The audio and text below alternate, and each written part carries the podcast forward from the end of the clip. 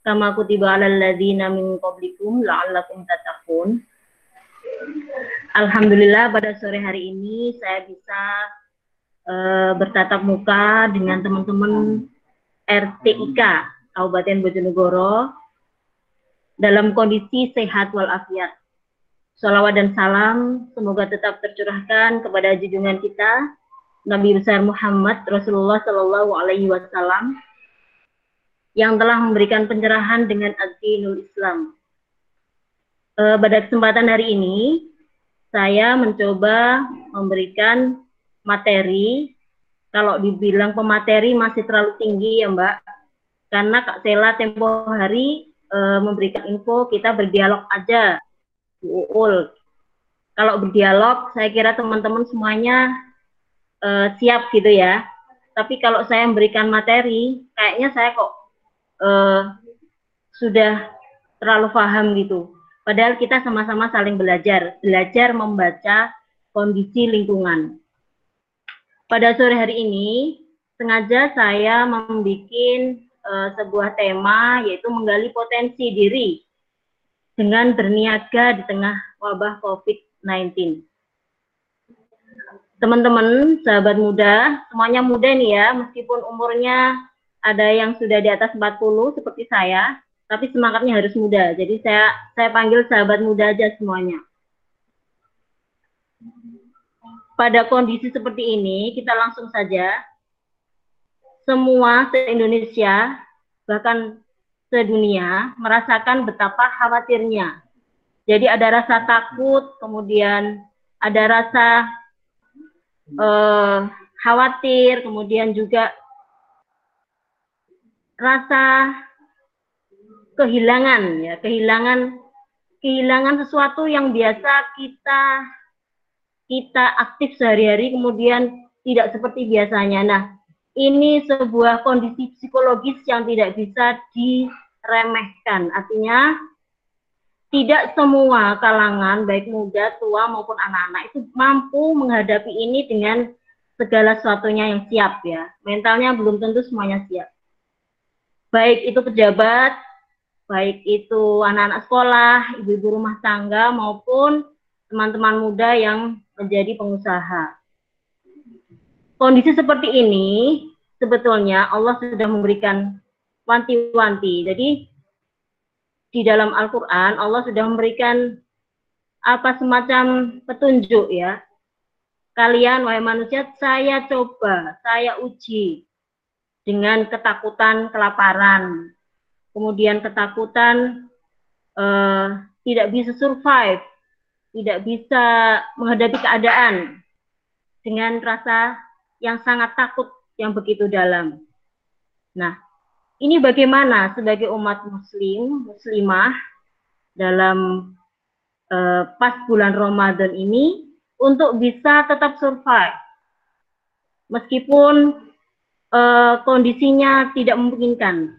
Tapi kita selalu berusaha untuk bagaimana itu bisa kita hadapi bersama-sama. Nah ini saya coba kupas. Yang pertama, kita sebagai manusia normal yang sudah diberi bekal oleh orang tua kita, yaitu bekal pendidikan, entah teman-temen ini pendidikannya sampai sarjana S1, S2, ataupun hanya sebatas SMA, SMP, selama kita men menjalani pendidikan, kita sudah diberi modal oleh guru-guru kita ya. Jadi keimanan nomor satu, ketakwaan. Pondasi pertama adalah iman. Ketika iman ini sudah menancap di dalam dada, baik setelah diucapkan, kemudian diimplementasikan ke dalam kehidupan sehari-hari, tentu ada semacam dorongan yang kuat ketika ada ujian itu datang. Nah, semuanya tergantung masing-masing individu. Cuman ketika kita sudah berinteraksi dengan lingkungan, maka kita harus segera bisa memberikan solusi terhadap diri kita sendiri. Ketika ada COVID datang bulan Maret dulu, bahkan bulan Januari, itu kita sudah merasakan ada sesuatu yang, wah jangan-jangan ini pekerjaanku gimana ini nanti itu pasti sudah ada bapak ibu ataupun anak-anak kita sudah merasakan itu Nah, sebagai orang beriman, maka kita tentu akan menggantungkan semuanya pada Allah, gitu ya. Ketetapan Allah itu adalah esa, tidak ada yang bisa menandingi.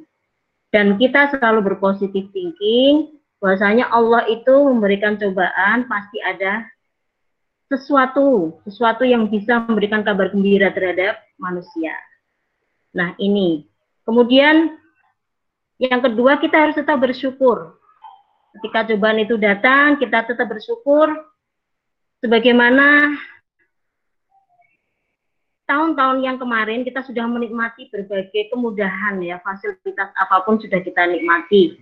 Bisa hidup dengan enaknya, jalan ke mana-mana, kemudian bisa apa ini mengenyam pendidikan, kemudian minta uang orang tua juga dengan enaknya, kemudian juga menikmati fasilitas wisata juga dengan tidak ada kendala dan lain sebagainya. Nah, itu kita setback oh ya kemarin-kemarin aku sudah dikasih fasilitas yang begitu luar biasa. Kenapa aku tidak bisa bersyukur? Nah, ketika ujian seperti ini datang, kita kembalikan kepada Allah. Ya Allah, ini mungkin sebuah sebuah apa ini eh, kenaikan tingkat atau sebuah uji coba sampai di mana sih ketahanan keimanan kita terhadap Allah, gitu ya. Sehingga dalam surat Al-Baqarah kalau saya mengutip ayat ayat 152 Bismillahirrahmanirrahim Wadkuruni adzkurkum washkuruli waskuruli wala takfurun. Artinya, karena itu ingatlah kamu kepadaku. Niscaya aku ingat pula kepadamu. Dan bersyukurlah kepadaku dan janganlah kamu mengingkari. Nah, jikalau COVID-19 ini masih terus berjalan atau belum juga reda, dan semakin hari semakin banyak yang terkapar, kita semakin harus tetap waspada ya. Sahabat muda tetap waspada. Jangan terus karena kita, wah saya juga nggak apa-apa ini. Ketika aku keluar nggak pakai masker juga sehat-sehat aja itu sampai rumah. Coba ah ngabuburit ke sana kemari gitu ya. Jangan. Jangan karena memang wabah ini sudah sangat sangat berbahaya meskipun kita tidak sebagai seorang dokter ya tidak tidak bersentuhan dengan medis sudah jelas-jelas sudah jelas-jelas yang terkapar ada yang tanpa gejala dan ada yang langsung bergejala. Yang tanpa gejala nggak ada panas dingin nggak ada apa ini eh, tenggorokan nggak bisa minum nggak bisa makan. Semuanya sepertinya wajar-wajar saja. Tiba-tiba uh, ketika ada tes eh ternyata positif. Nah, seperti itu. Nah, ini sebagai satu juga sebagai kewaspadaan, kemudian rasa syukur kita lagi, ketika kita sudah bersyukur, maka semua himbauan pemerintah yang terkait dengan apa ini COVID-19 ini juga harus kita ikuti gitu ya. Saya kadang-kadang melihat teman-teman yang masih muda itu bahkan anak-anak kita ketika saya sempat jalan-jalan di pakai sepeda ontel itu ya keliling Bojonegoro eh, enam kecamatan waktu itu kok di setiap pojok pojok apa ini pos itu adik-adik kita mulai usia SD SMP itu dengan santainya gitu ya. Membawa HP semua kemudian e, bersenda gurau dan sepertinya tidak ada apa-apa gitu ya.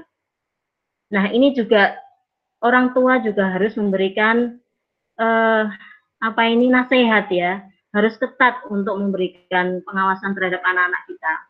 Karena memang wabah belum belum selesai belum belum hilang dari Indonesia. Kemudian lagi dalam surat Al-Baqarah ayat 172 yang terkait dengan betapa kita harus bersyukur dengan kondisi kita saat ini meskipun dalam kondisi wabah ya. A'udzubillahiminasyaitonirrajim Bismillahirrahmanirrahim. Ya ayyuhalladzina amanu kulu min thayyibati ma razaqnakum washkuru lillahi in kuntum iyyahu ta'budun. Hai orang-orang yang beriman, makanlah di antara rezeki yang baik-baik yang kami berikan kepadamu dan bersyukurlah kepada Allah jika benar-benar kepadanya kamu menyembah. Nah, jadi ketika kita sudah mengalami kondisi yang agak susah seperti ini, pasti kita masih punya masih punya harapan ya Ibaratnya ketika kita di PHK gitu ya. Ada teman kita di PHK dan banyak sekali ribuan. Dan sekarang pada mudik pulang ke desanya masing-masing. Pasti di rumah masih ada harta yang bisa dimanfaatkan. Ada rumahnya orang tuanya, ada sawah ladang, ada pekarangan. Nah, itu dimanfaatkan saja. Jangan mengeluh. Bahkan mengeluh itu bukan sebuah jawaban. Apalagi merengek-rengek pemerintah. Kok nggak ada bantuan sih? Mana nggak ada bantuan? Nah, ini sebuah mentality yang kurang kurang api atau kurang elok. Sebagai generasi muda, ayolah potensi yang ada di diri kalian itu dimaksimalkan. Semuanya punya HP, punya gadget ya. Nah, coba ikut memasarkan barang-barang yang ada di gadget itu. Dan banyak sekali itu ya. Apa ini yang bisa dimanfaatkan? Tidak perlu modal, hanya perlu apa sih komunikasi. Nah, jadi akan saya terangkan nanti apa sih uh, trik bagaimana kita bisa survive ketika ada pandemi seperti ini.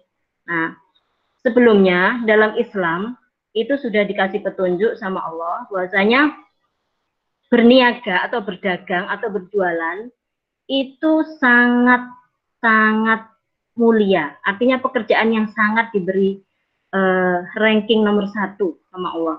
Karena apa? Satu, karena berniaga itu adalah sebaik-baik pekerjaan. Kemudian bisa menjalin silaturahmi. Kenapa seperti itu? Karena kita harus berkenalan dengan orang lain. Kita tidak boleh bermusuhan ya. Kalau sudah berniat berdagang, siapa pun itu dari dari suku apa pun agamanya, kita harus saling bekerja sama, silaturahmi ya, saling mengenal. Kemudian dengan itu kita bisa menambah wawasan keilmuan. Kita mengenal teman-teman kita dari Cina, dari Thailand misalnya seperti itu mereka pinter dalam dagangnya, ya kita ambil ilmunya, kita bekerja sama. Bekerja sama dalam muamalah itu tidak apa-apa, ya halal hukumnya. Asal e, berniaganya tidak berniaga barang-barang haram ya. Barang-barang haram ya seperti apa? Teman-teman tahu sendiri ya. Ada minuman keras itu ya, kemudian e, kemudian apa ini nikotin dan sebagainya itu janganlah haram itu hukumnya ya. Kemudian Selain itu, ketika kita sudah bisa berdagang, maka akan timbul rasa kesabaran. Perasaan sabar. Sabar menunggu ketika kita menawarkan barang itu, kemudian e, konsumen belum juga membeli. Kita harus bisa bersabar. Kalau tidak bisa bersabar ya nggak akan nggak akan kuat menjadi pedagang ya. Sabar. Dan resikonya sebagai pedagang kadang-kadang juga ada yang berbohong dengan kita gitu ya Nah, itu juga harus sabar lagi. Sabarnya harus berlipat-lipat. Kemudian, ketika sudah berani menjual, maka akan meningkatkan perekonomian kita, perekonomian keluarga kita. Akan meningkatkan value edit, menambah nilai, nilai tambah pada diri kita. Kalau sudah bisa menjual barang-barang yang uh, dikonsumsi oleh manusia maupun oleh hewan gitu ya. Kemudian juga memberikan keberkahan ketika kita sudah e, berani untuk menjual atau berdagang maka ada keberkahan. Jadi berkah itu nggak nggak terus banyaknya laba ya teman-teman ya. Berkah itu ketika kita sudah memberikan harta kita bisa berbagi dengan orang lain meskipun dengan keluarga sendiri itu sebuah keberkahan. Kalau baru dimakan dirinya sendiri juga berkah sih. Sudah berkah itu. Minimal bisa menghidupi diri sendiri. Nah itu prinsipnya jangan terus karena belum laba banyak. Lah aku jualan lipstick sama bedak ini loh sudah dua tahun bu. Tapi kok yo sedikit ya labanya. Karena dihitung secara nominal. Jadi kita berjalan jangan terlalu dihitung secara nominal ya. Meskipun dalam keuangan ada sih neraca rugi laba tapi jangan terlalu nemen ya. Allah ya juga nggak suka terlalu nemen-nemen mencatat itu ya. Jadi ada keberkahan. Kemudian berniaga itu juga merupakan pekerjaan yang halal ya. Seperti dalam surat Al-Baqarah ayat 275 Bismillahirrahmanirrahim. Alladzina ya'kulun alladzina ya'kuluna riba la yakumuna illa kama yakumul ladzi yatakhabbatu syaitanu minal masti. Dzalika bi annahum qalu innamal bai'u mislur riba wa halallahu al-bai'a wa harramar riba. Waman ja'ahu mau'idatum mir rabbih fantaha falahu ma salafa wa amruhu ilallah wa man 'ada fa ulaika ashabun nari hum fiha khalidun. Orang-orang yang makan atau mengambil riba tidak dapat berdiri melainkan seperti berdirinya orang yang kemasukan setan lantaran tekanan atau penyakit gila. Ya, gila ya. Jadi riba itu kan sesuatu yang ditambah-tambah itu loh. Keadaan mereka yang demikian itu adalah disebabkan mereka berkata atau berpendapat, sesungguhnya jual beli itu sama dengan riba, padahal Allah telah menghalalkan jual beli dan mengharamkan riba. Orang-orang yang telah sampai kepadanya larangan dari Tuhannya lalu terus berhenti dari mengambil riba, maka baginya apa yang telah diambilnya dahulu sebelum datang larangan dan urusannya terserah kepada Allah. Orang yang kembali mengambil riba, maka orang itu adalah penghuni-penghuni neraka mereka kekal di dalamnya. Nah, ini kalau sudah terkait dengan riba, kita kadang-kadang kalau terdesak gitu kan ada bank cicil itu minjemin gitu ya. Wes, Mbak, kalau butuh modal nih loh. Gampang sekali. Di online juga ada. Mau butuh dana 500 juta, cuman apa ini? E, modal KTP dan KK itu ya banyak sekali berseliweran ya. Jangan teman-teman, jangan ikuti seperti itu karena itu nanti akan menjebak seluruh keluarga jenengan. Semuanya akan dihubungi keluarganya, akhirnya harta kita habis. Gitu ya. Kemudian yang terakhir, dengan berdagang kita akan mendapatkan atau mempunyai ladang pahala. Kenapa seperti itu? Ketika kita sudah mempunyai uh, pendapatan, maka tentu saja kita tidak akan lupa yang namanya zakat, infak, sodako. Nah, tanpa itu rezeki kita juga tidak bisa, tidak akan e, barokah ya, tidak akan berkah. Nah, itu teman-teman ya. Kemudian yang terakhir, gimana sih cara kita berdagang agar sukses gitu ya? Kalau menurut pengamatan saya, selama e, berpengalaman sekian tahun berjualan, jadi kalau kita ingin sukses, maka kita harus berkreativitas, punya kreativitas ya kemudian punya inovasi, inovatif, kemudian harus berkolaborasi, kemudian juga harus pintar berkomunikasi. Kalau teman-teman pendiam, kemudian nggak bisa ngomong, seperti sales-sales gitu ya, kita sudah punya media yang sangat jitu dengan gadget ya. Kita bisa nulis, Hai guys, nih aku punya baju nih, bagus sekali, uh, cocok untuk musim panas maupun dingin, nah seperti itu itu kalau pinter komunikasi, kalau enggak juga ditulis saja. Atau karena kita bisa berkolaborasi dengan teman-teman kita, berkolaborasi itu bekerja sama ya dengan teman.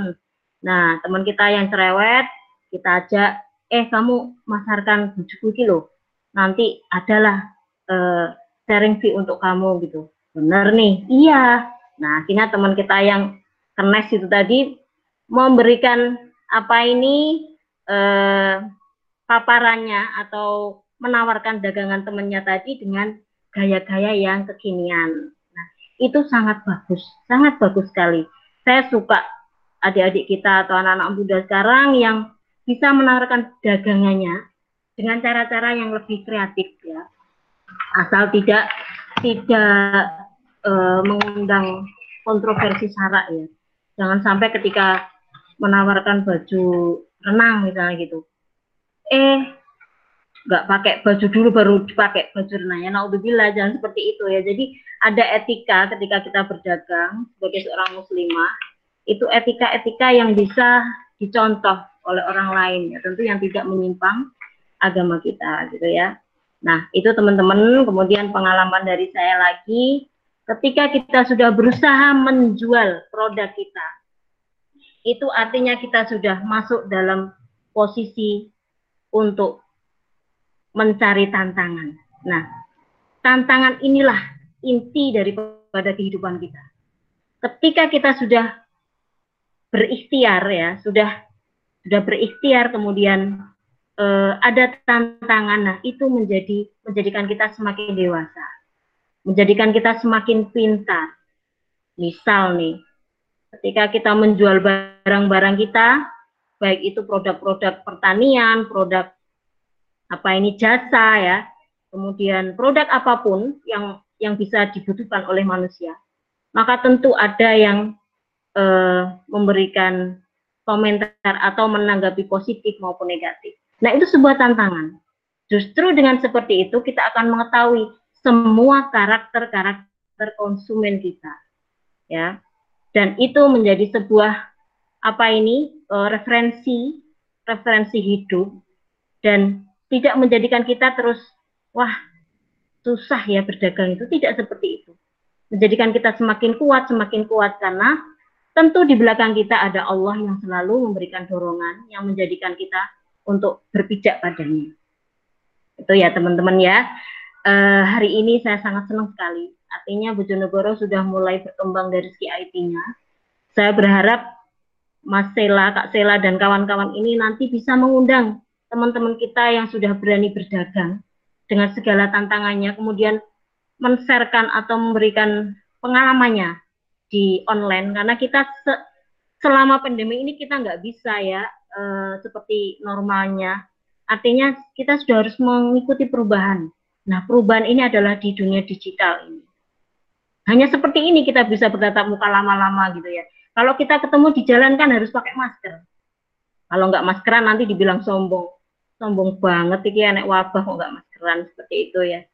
Nah, itu jadi kerja keras, kemudian juga menyukai tantangan, itu nanti akan menjadi mental yang terbentuk kita ketika kita sudah mulai berani berdagang atau berniaga. Ibu-ibu yang di rumah, ibu-ibu muda maupun ibu-ibu yang sudah sepuh tapi berjiwa muda, pakai saja itu HP-nya itu ya.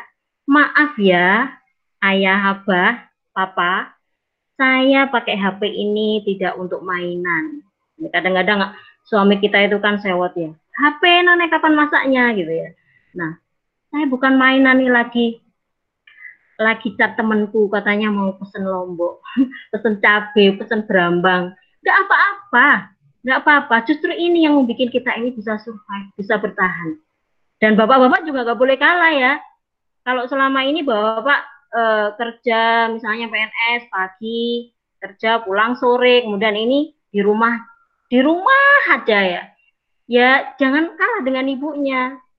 Pekarangannya dipaculin, ya kemudian cari bibit. Nah nanti yang seneng kan juga ibunya juga. Jadi kita mulai bisa menikmati hari-hari yang tidak biasa kita nikmati dan harus kita biasakan. Harus kita biasakan. Entah sampai kapan ini nanti akan selesai atau akan akan uh, hilang wabah ini.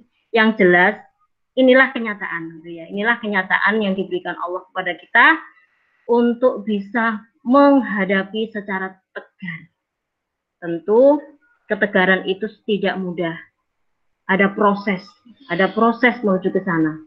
Maka ketika kita sudah e, berani menghadapi semuanya ini, maka jadikanlah itu sebuah pembelajaran.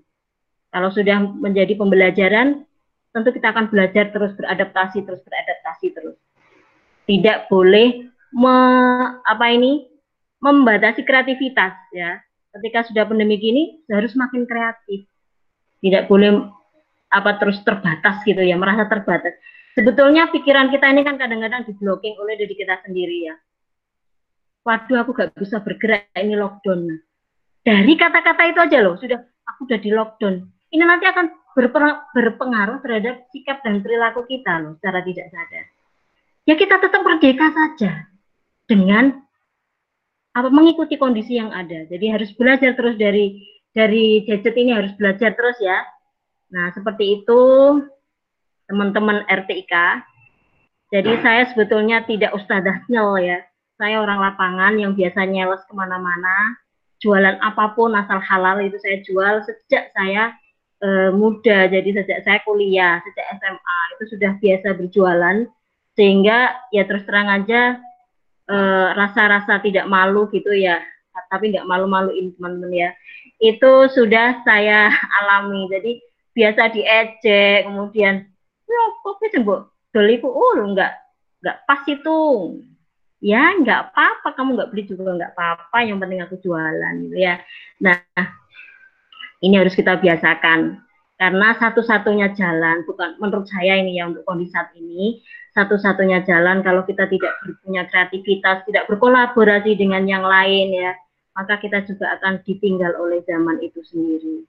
Saya kira itu uh, bisa nanti diteruskan dialog ya Mbak Tri Aprilia. Terima kasih sekali, semoga ada manfaatnya. Dari saya seperti seperti ini cukup dulu ya, Mbak April. Nanti diteruskan dialog mungkin. Terima kasih. Dengar kakak.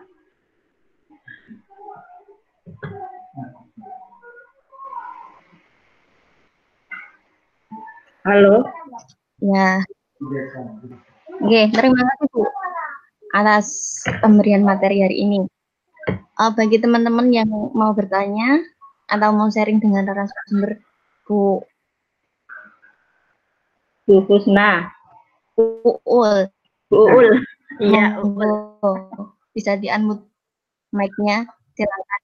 Bu Husna. Iya, monggo. Bagi teman-teman yang mau sharing. Monggo silakan di unmute atau bisa melalui WC juga bisa. Bu? Iya.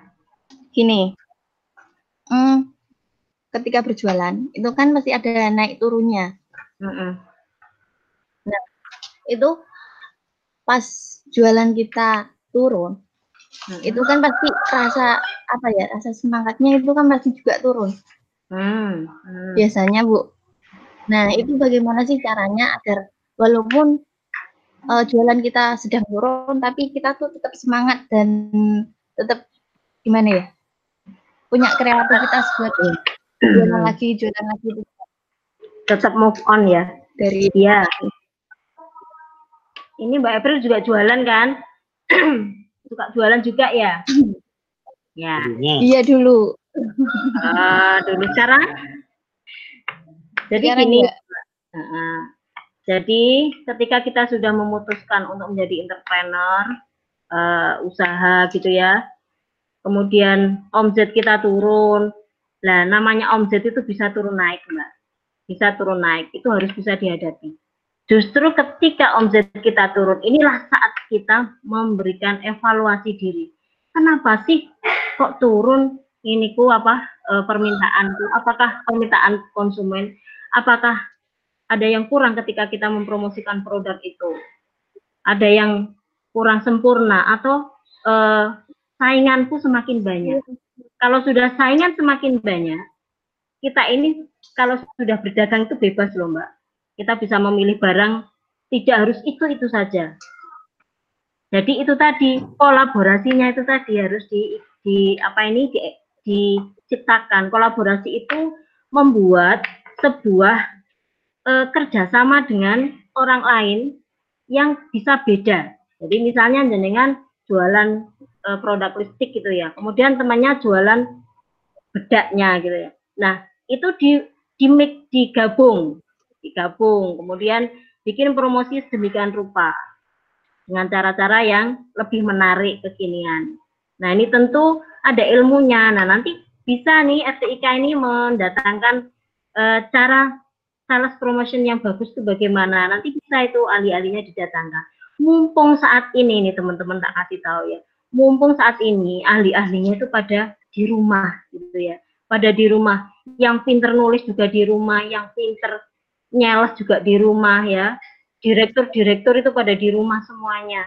Dan mereka siap memberikan ilmunya.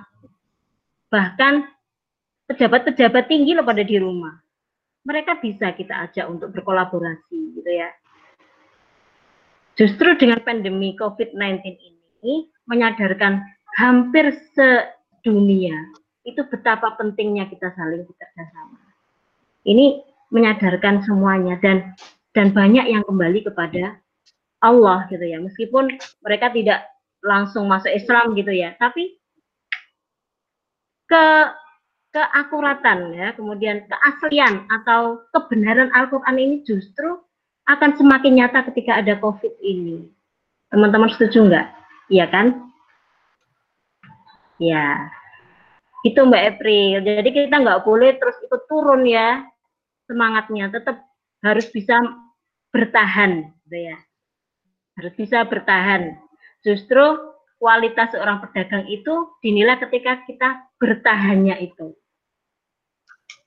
Ketika bertahannya itu lah, kalau masih zona nyaman ya siapa yang nggak bisa senang-senang aja. Tapi ketika turun itu baru kok tetap bertahan yo, hari kok tetap happy happy aja ya. Padahal barangnya loh sudah nggak laku.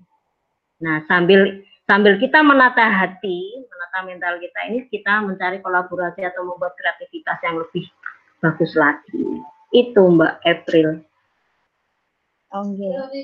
Berarti kalau pas turun itu juga menambah melatih untuk kolaborasi gitu ya Bu ya? Iya, iya harus harus harus punya evaluasi diri, kemudian buat kreativitas. Jadi contoh aja ya, contoh botol aqua dulu, botol aqua itu kan sangat ini ya kalau nggak minum nggak kalau nggak aqua gitu nggak nggak minum gitu ya.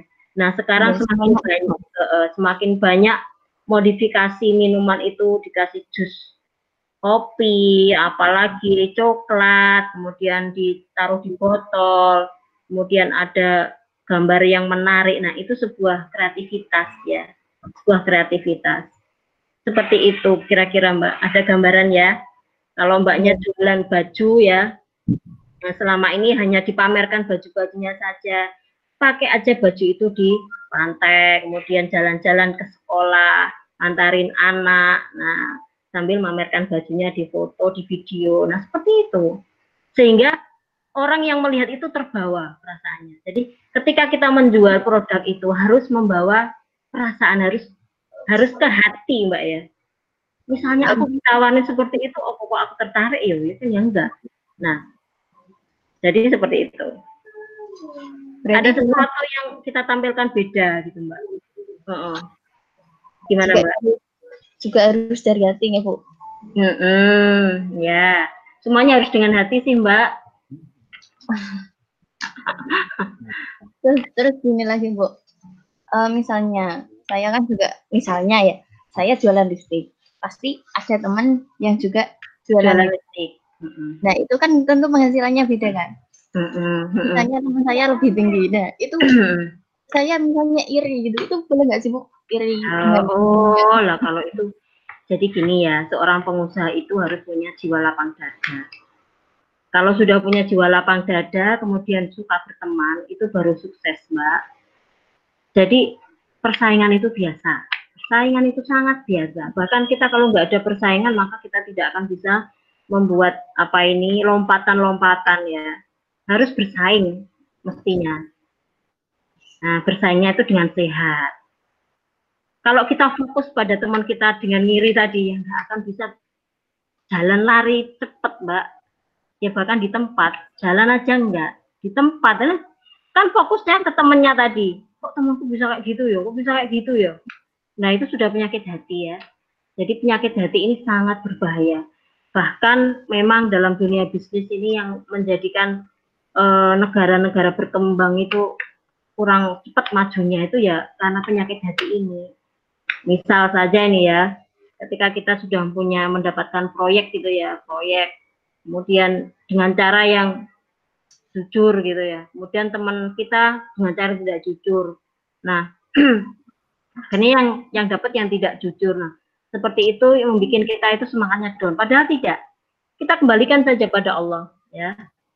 Kita kembalikan bahwa semua yang sudah kita jalankan dengan usaha maksimal, kemudian pada titik akhirnya tidak bisa sesuai dengan yang harapan kita, maka itu sebuah ketentuan Allah. Pasti ada sesuatu di balik itu yang akan nanti juga dikasih sama Allah. Karena rezeki itu tidak lari ke mana, katanya seperti itu ya. Kata Allah kan itu. Tiap manusia, tiap manusia itu punya rezekinya masing-masing dia tidak akan diambil, tidak akan mati istilahnya, tidak akan meninggal sebelum rezekinya dikasihkan semuanya. Nah, rezeki itu tidak hanya berupa harta benda, jadi bisa berupa kesehatan, suami yang juga menyenangkan, istri menyenangkan, anak-anak yang sangat pintar-pintar, kemudian teman-teman yang berbaik hati semuanya bisa berkolaborasi itu juga sebuah rezeki. Bahkan hari ini kita bisa uh, berdialog ini juga sebuah rezeki ya. Coba kalau kita di rumah sakit kan nggak bisa dialog seperti ini. Nah itu ya Mbak April. Iya. Uh, ini ya. ada dari temen ada yang mau nanya info. Iya, monggo monggo. Kak Anjar Dwi. mohon oh, maaf iya. mau tanya, inti dari pedagang atau usaha itu kan tantangan. Ini tidak semua orang punya mental kuat. Bagaimana hmm. cara menumbuhkan dan merawat mental kuat seperti yang disampaikan tadi? Terima oh, kasih. Ya, ya. Oke ya Bu Anjar. Bu Anjar, kalau ingin mempunyai mental yang kuat, maka mulailah berdagang yang kecil-kecilan dulu. Misalnya di sekolah itu kan ada kantin ya.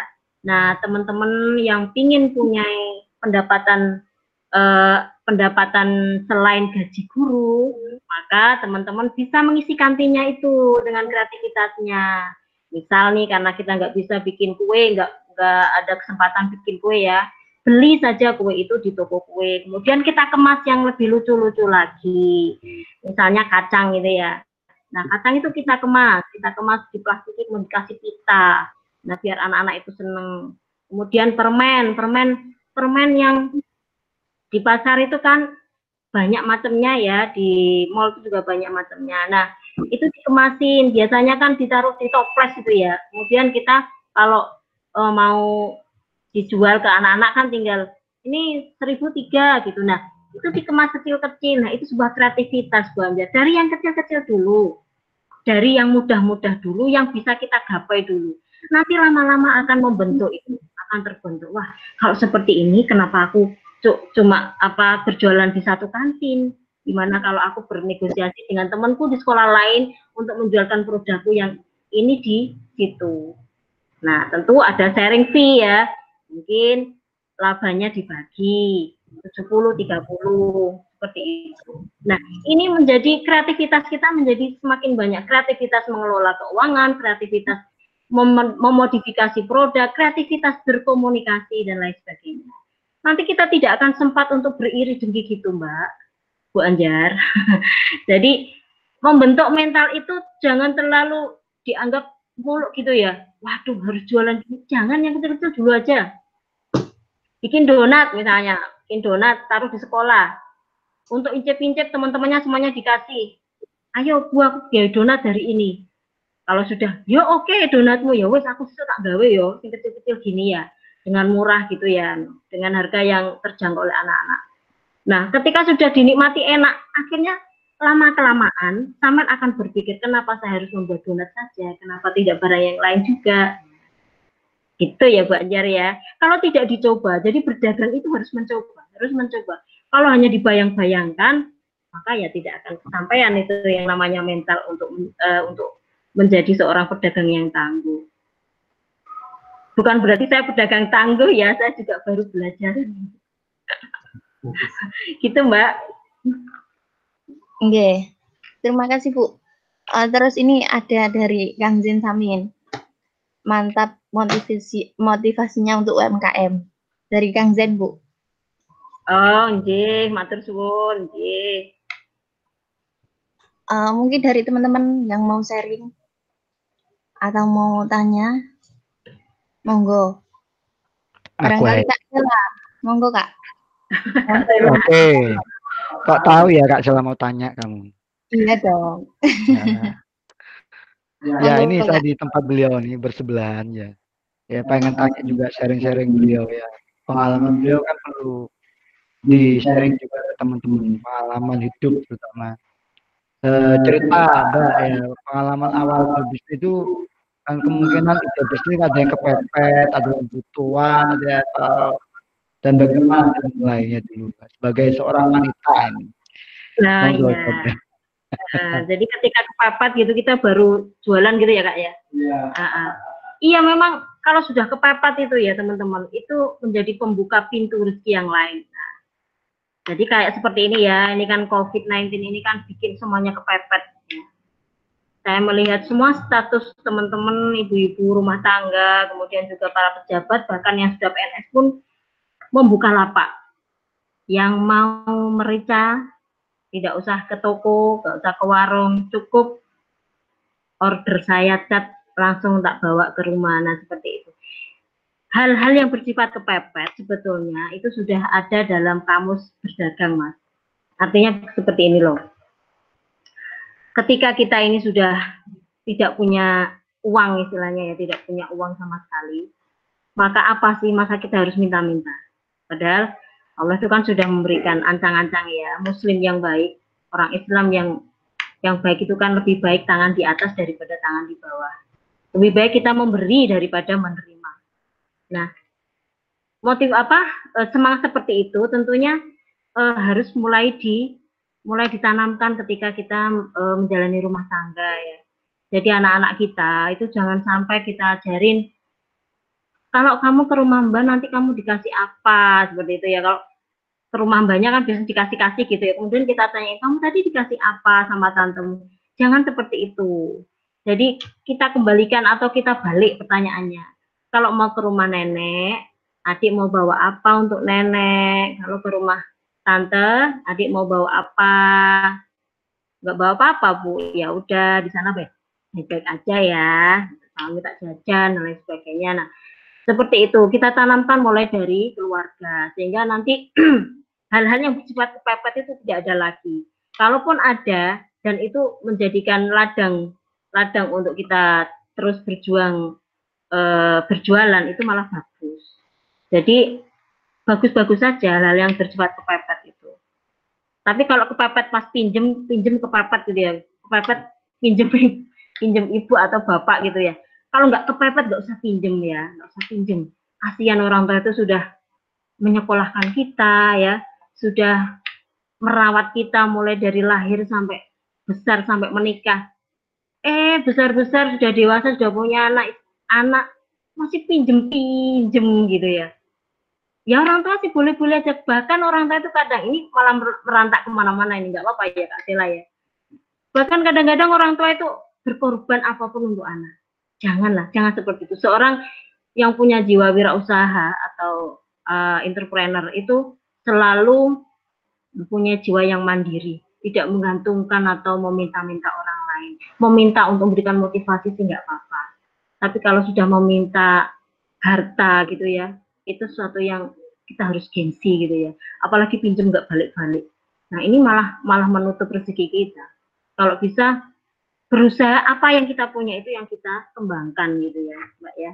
Jadi apa yang kita punya itu yang kita kembangkan. Dan Allah pasti tahu itu. Oh ini makhluk saya ini makhlukku ini yang mau berusaha dengan mandiri dengan uh, dengan akal pikirannya karena tidak ingin menggantungkan orang lain. Pasti aku bantu. Ya seperti itu Kak Sela. Ya itu ya inspirasi seperti itu. Jadi kadang ide bisnis itu dimulai dari kepepet ya.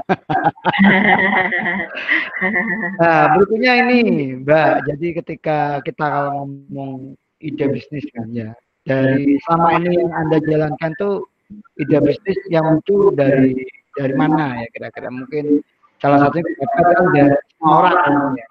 Tapi kalau yang lain misalnya adakah ide bisnis? Jalan biar semua tahu ya kita semua itu kalau iya. pengen mulai bisnis dari dari sisi mana gitu. apalagi kalau ini kayak karena dapat semua kalau wabah tapi kalau di zona nyaman zona normal tuh misalnya ide bisnis yang dikembangkan selama ini eh, mbak apa mbak dari mana Oke, mungkin menurut Kak Sela ini kalau zona nyaman itu seperti PNS tuh ya PNS pegawai-pegawai yang sudah punya gaji yang pasti tiap bulan dapat itu ya Beda dengan para usahawan yang harus bersusah payah mencari pekerjaan, kemudian baru dia bisa merasakan menikmati hasilnya itu ya. Jadi ide itu bisa diambil dari tubuh kita sendiri aja loh. Dari diri kita juga. Dari mulai dari ujung rambut sampai ujung kaki gitu ya. Ujung rambut, rambut butuh apa? Butuh perawatan. Ada sampo, kemudian ada cukur gunting itu ya. Nah sekarang cukur aja nih. Aku ingat cukur soalnya rambutnya anakku panjang. Nggak berani nyukur karena takut. Aku takut corona loh. Corona loh nggak di tukang cukur. Ternyata dia punya punya ini apa e, pengetahuan lain dia bisa bu di tukang cukur karena apa gini gini gini gitu argumennya banyak sekali akhirnya dibiarin gondrong gitu ya nah dari cukur aja dari cukur sekarang tukang cukur kan pasti juga sepi ya Kak Sila ya. ya nah, betul. itu betul. Nah, itu kan bisa dia membuat semacam akun tukang cukur itu ya. cukur keliling. Dijamin sudah rapid test negatif. Nah, seperti itu. Kemudian bisa call minta cukur di mana gitu ya. Misalnya ke rumah gitu ya, di rumah. Kemudian dengan protokol COVID-19 ini harus pakai masker, ya nggak apa-apa, diikuti aja. Kan butuh itu namanya tenaganya dia dipakai kemudian dibayar. Seperti itu, itu sebuah ikhtiar. Jadi jangan terus diem, tukang cukur wes gak oleh apa-apa ini wes. Ya menang tok ngenteni lah kapan dapatnya uang gitu ya. Itu baru dari ujung rambut nih. Kemudian kan juga ada salon ya biasanya ada yang apa ini dikasih dari bonding atau apa itu ya anak-anak muda sekarang itu kemudian juga eh, rambutnya diluruskan, dikeritingkan. Nah, itu juga bisa di di online kan ya.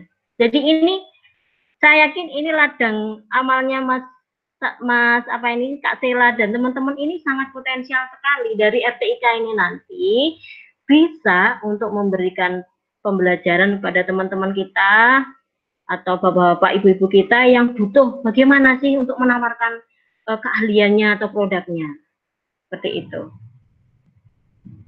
Yang namanya usaha itu kan nggak hanya menjual barang jasa ya. Jasa itu malah banyak sekali. Kayak Kak Sela ini menjual jasa nih. Jasa jadi Kak Sela punya keahlian IT kemudian teman-teman dikolaborasi diajak semuanya. Ada yang jadi moderator ada yang jadi pemateri kemudian ada yang jadi humasnya yang menghubungi kita kita nah jadilah sebuah kolaborasi yang apik kemudian bisa ditampilkan di online. Nah, ini juga sebuah uh, nilai jual. Nah, dan nilai jual yang bisa ditawarkan oleh Kak Sela dan kawan-kawan. Nah, seperti itu Kak Sela. Jadi ide itu mulai dari ujung rambut sampai ujung kaki. Ini belum ke wajah nih, wajah banget banyak banget nih Kak Sela. Meskipun kita di rumah kadang-kadang malas mandi loh. Bener. Nah, ini bagaimana ibu-ibu muda, adik-adik yang apa muda-muda yang di rumah anak-anak kita ya tetap rajin mandi gitu ya ya karena kita wabah corona ini kan harus semakin bersih ya harus menjaga kebersihan. Nah ini juga nanti di dibikin kata-kata ketika promosi produknya ini apa ini apa e, pembersih wajah untuk menjadi glowing glowing dan lain sebagainya. Seperti itu Pak Sela. Jadi jangan iya. berhenti untuk menawarkan produk-produk atau keahlian Iya. Walaupun ini masa pandemi ya Mbak ya, artinya masa pandemi ini kan pada apa ya, daya beli masyarakat nah, ya walaupun kan jangan putus asa gitu ya, Mbak, ya. iya, iya. menawarkan gitu ya. Siapa tahu di luar sana masih ada orang yang masih punya stok anggaran ke sana ya. Hmm, jadi ya, jadi seperti ini.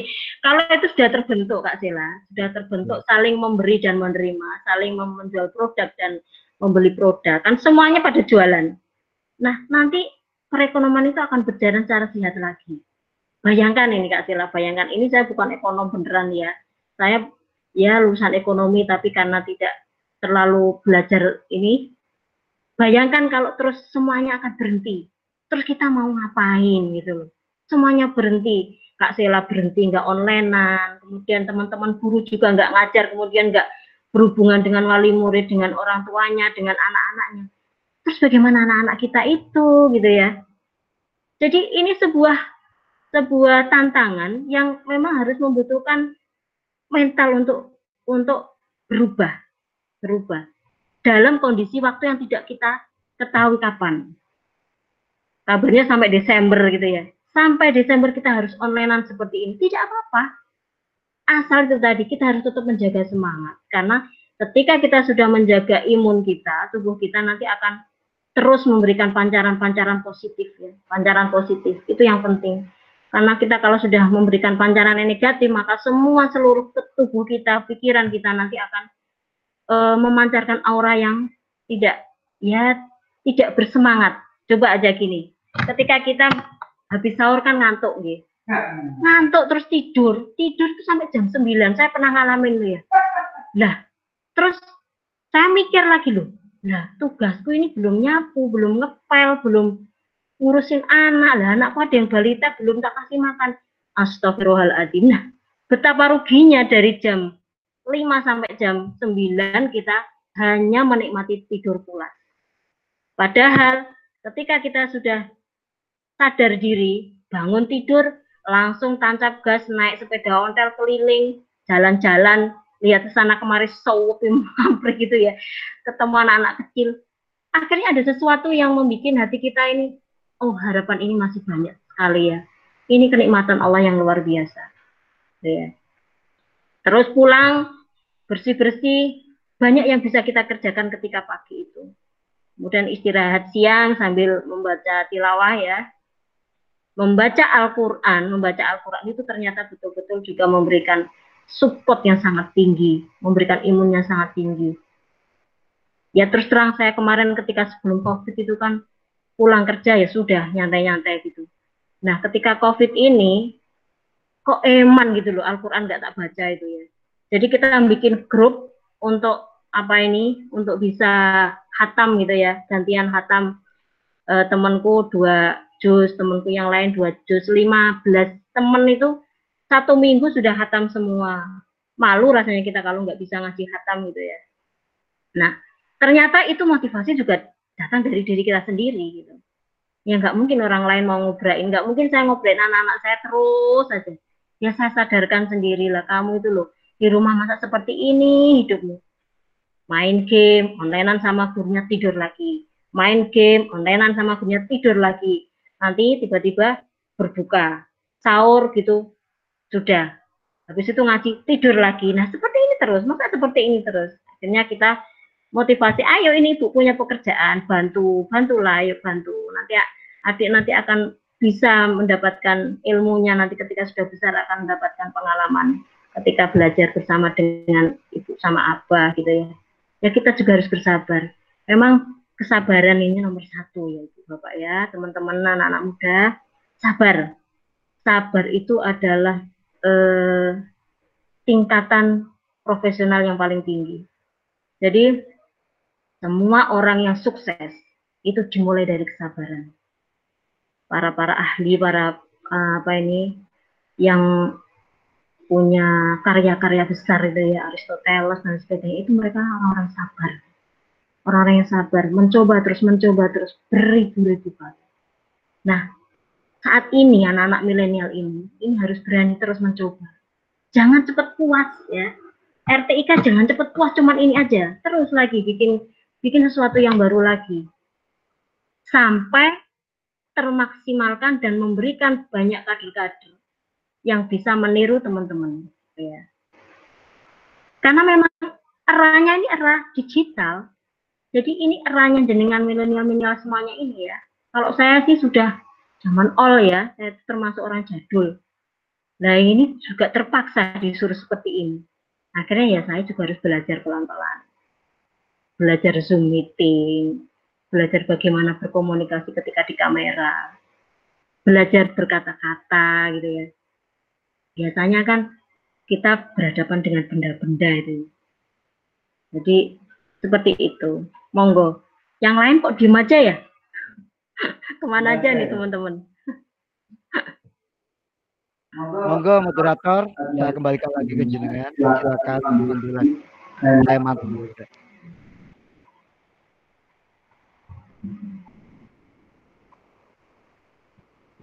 Monggo. Adakah yang ingin memberikan tanggapan?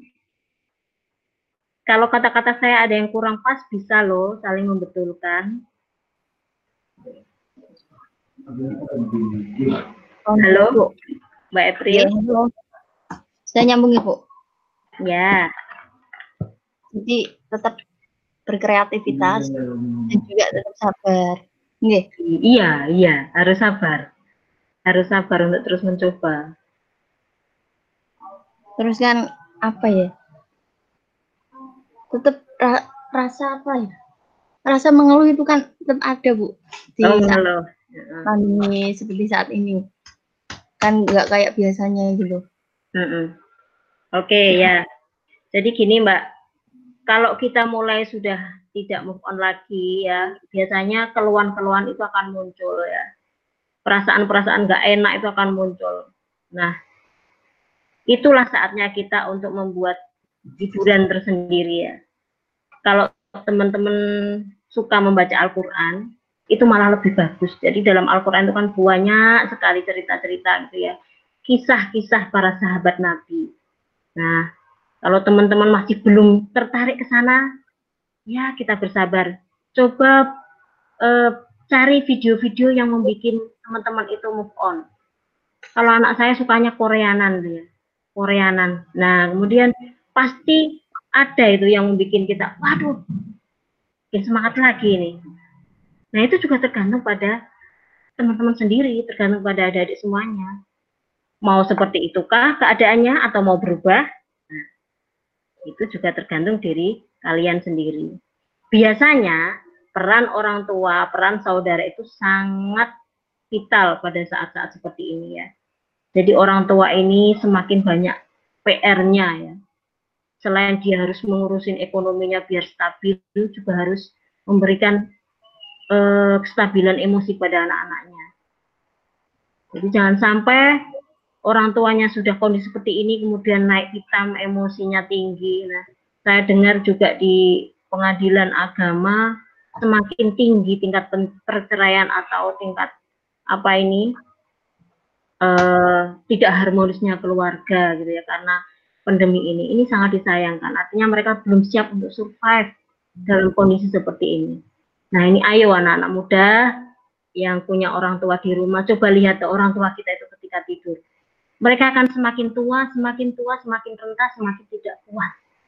Tidak kuat. Kalau sudah tidak kuat, siapa lagi yang akan menggantikan kalian, menggantikan ayah ibu kita? Kalau masih menggantungkan orang tua loh. Kalau dengan suami, suami kita semakin hari juga semakin tua. Jadi semakin lemah, semakin lemah. Nah kalau istri-istri tidak juga membantu, malah menuntut saja, terus bagaimana nasibnya? Gitu ya. Jadi ayolah, kalau kita ingin berkolaborasi, berkomunikasi dengan yang lain. Teman-teman kita itu adalah ladang amal dan ladang rezeki. Jangan membuat teman-teman kita ini menjadi musuh gitu ya. Jangan, alah aku males kontrolan karo bocah kayak gitu ya. Jangan biasanya seperti itu anak-anak muda itu aku mau malas bu karo kayak bu ngomong ngene-ngene jangan ini saatnya kita ini saling menguatkan ya saling menguatkan bukan saling tidak jauhan gitu. Saling menguatkan bukan saling jauhan. Meskipun kita jauhan untuk tidak bisa bertemu tapi dalam kondisi ini kita dipertemukan di gadget di digital ini bisa. Ya. Monggo silahkan yang lain. Berarti kolaborasi tadi itu banyak sekali manfaatnya, Bu ya. Oh iya, jadi gini loh. Kamu terus pahala juga. Hmm, jadi dalam keluarga saja, kalau kita nggak mau berkolaborasi, yang mau hidup sendiri-sendiri. Misal nih ya, misal dalam keluarga ada tiga saudara, yang satu PNS, yang satu apa ini pedagang, yang satu misalnya uh, tukang resik-resik sapu itu ya, cleaning service. Masa kita mau diem aja yang PNS itu lihat saudaranya yang bersih-bersih tidak punya penghasilan. Kan kasihan gitu ya.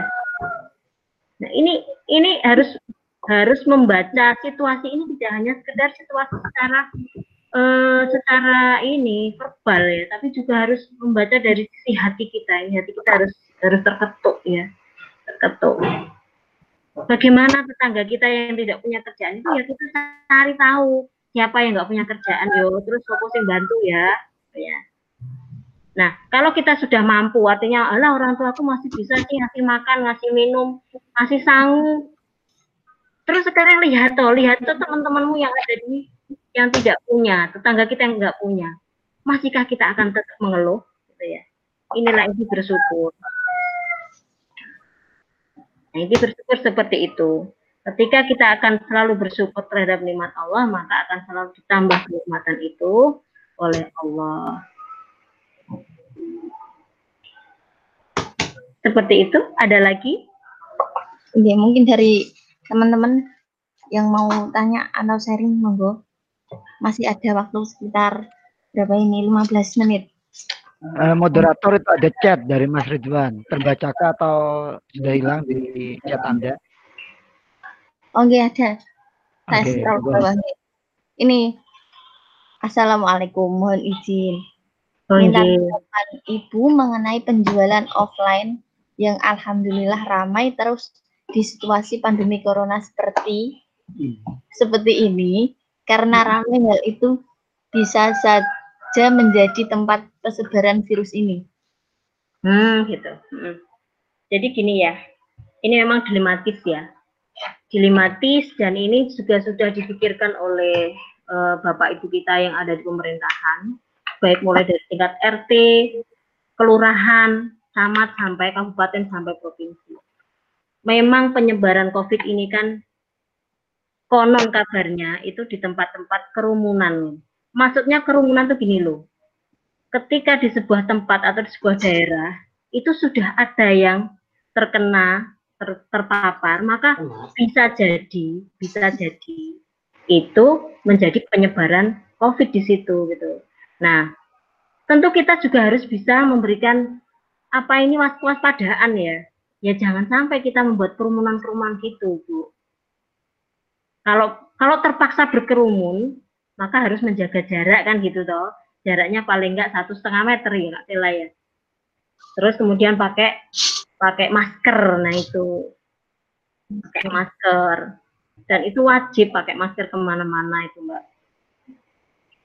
Sehingga Artinya gini, ketika kita sudah beranikan diri berniat untuk berniaga dan harus berkumpul dengan orang meskipun itu e, membahayakan ya. Tapi kita harus punya e, sensitif sensi untuk positif. Jadi punya positif thinking. Bismillah Allah melindungi gitu ya. Nanti kan dengan perasaan kita dengan pikiran kita menggantungkan pada Allah nanti Allah juga akan mengiringi untuk memberikan perlindungan seperti itu. Dan saya kira ibu-ibu itu sudah mulai pinter kok. Dia komunikasi juga nggak banyak-banyak. Jadi saya setiap hari kan juga online ya, apa DO ke teman-teman yang punya jualan apa ini, e, mulai dari sayuran, ikan gitu ya. Ketika tak suruh tolong diantar ke rumah ya ma, iya. Ini bu ya, ini uangnya bu, gitu ya. Ya sudah dia nggak banyak omong. Padahal biasanya dulu-dulu sebelum covid itu ngobrolnya setengah jam ngasih barangnya cuma satu menit. Nah, gitu ya. Jadi insya Allah kalau kita sudah memahami betapa bahayanya COVID ini, paling tidak sudah refleks gitu ya, tidak tidak terlalu lama berkerumunnya. Itu Mbak. Berarti tetap harus jaga jarak. Oh iya. Pencegahan iya. gitu ya, Bu ya. Uh, uh, uh. Biar nggak menyebar. Iya. Ya. Jadi Dan itu kita, kita ya positif thinking, Mbak. Terus kita terus nggak mau deket-deket temen gitu kan ya terus ya oh positif. ya kalau nggak nggak nggak salaman nggak apa-apa. Dan terus nggak mau dekat-dekat gitu kan ya ya kita yakin teman kita nggak kena ya sudah toh. Selama selama teman kita nggak apa ini nggak keluar kota yang zona merah itu kan masih aman saya pikir ya kan mm -hmm. Oke, itu jawaban dari Ibu. Mau gimana Mas Ridwan? Oh, mungkin dari teman-teman yang lain mau tanya atau sharing, silakan. Ini kan sudah masuk ke 10 hari ketiga ya Mbak ya. Ini ya, uh, ya ini harus kita perketat atau kita kencangkan ini apa nafsu-nafsu hewani kita ya nggak usah tertarik baju baru, nggak usah tertarik sesuatu yang baru lah. Iya. Kita minta ampunan aja sama Allah. Minta ampunan ya Allah ampuni, ampuni. Limpahkan rezeki yang halal sehingga hmm. kita bisa lancar untuk berniaga apa pun yang saya jual ya Allah gitu ya. Selalu meminta kalau malam jangan sampai lewatkan sholat malamnya, tadarusnya, jangan lewatkan HP ini hanya sebuah alat ya, handphone ini hanya sebuah alat, tapi yang menjadi alat kita sensor yang paling kuat itu adalah kita sama Allah. Hubungan kita sama Allah harus kuat dulu, baru nanti ketika berniaga itu pun akan semakin kuat untuk apa ini eh, menarik orang untuk untuk mau bekerja sama dengan kita. Jadi sebetulnya tidak bisa dilepaskan ya teman-teman ya antara hubungan kita sama Allah dengan sesama manusia. Ketika hubungan kita sama Allah baik, harmonis, tidak ada apa ini, tidak ada uh, kebohongan gitu ya. Maka dengan manusia pun Allah juga akan memberikan Halo, seperti itu ya? Iya. Jadi memanfaatkan waktu dengan tadarus gitu ya Bu ya? Ya harus gitu. Harus ada Allah. Harus, harus Mbak, harus Mbak. Saya lihat anak-anak sekarang ini uh, berhubungan sama Allah itu nomor sekian gitu ya. Janganlah. Itu yang menjadi kunci sukses kita itu ya. Kalau sudah ingin sukses dunia, maka harus sukses dulu akhiratnya. Jangan sekali-kali meninggalkan sholat fardu. Ya, kalau sudah berani meninggalkan sholat fardu lima waktu itu, pasti itu yang lain juga dia akan melakukan maksiat, gitu ya. Ya, ya. Maksiat itu kan banyak sekali mbak. Maksiat itu bisa mulai dari hal-hal yang kecil. Ya, maksiat itu mulai dari uh, pandangan mata yang tidak halal, kemudian juga gibah itu kan juga masuk di ranah maksiat ya iri, yeah. dengki kayak gitu juga sesuatu yang meracuni apa kehidupan kita untuk tidak bisa dekat sama Allah gitu ya. Jadi itu, jadi kita mulai harus fokus kalau mau fokus berdagang maka kita harus mulai lihat akun-akun dagangan di onlinean itu. Lihat semua dipelajari teknik-teknik berdagang, cara-cara uh, cara-cara para pedagang yang sudah terkenal itu bagaimana sih cara cara menawarkan dagangannya. Artis-artis seperti siapa itu yang terkenal tuh Ayu Ting Ting kemudian siapa lagi itu ya yang sering tak lihat? Eh yang pinter nyanyi itu siapa? Sabian. Itu mereka sudah mulai mulai merambah teknik dagang itu harus seperti ini harus seperti ini.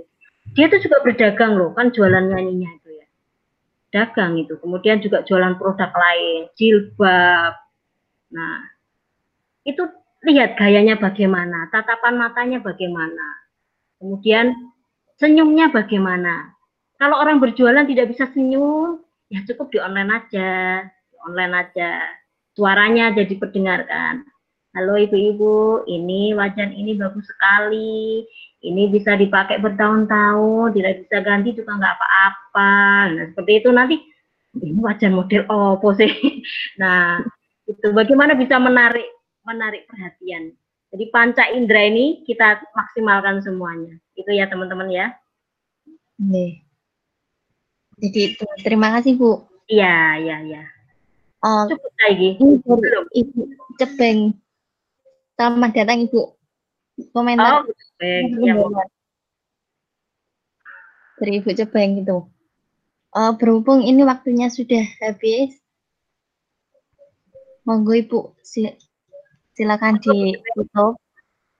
Oh, sudah ditutup ini. Oke, okay, ya. Terus gini Bu, imbauan dari Ibu tentang COVID uh -uh. di menghadapi gimana ini menghadapi Hari Raya Idul Fitri. Imbauannya gimana? Monggo. Silakan. Ya. Ya teman-teman sahabat muda, ibu-ibu rumah tangga, adik-adik, semuanya ya bapak-bapak yang saya hormati, meskipun dalam kondisi yang sangat memprihatinkan. Jadi jangan kita terus putus dengan rahmat Allah. Rahmat Allah tidak akan putus terhadap manusia, hambanya. Terutama kita sebagai umat Islam ya.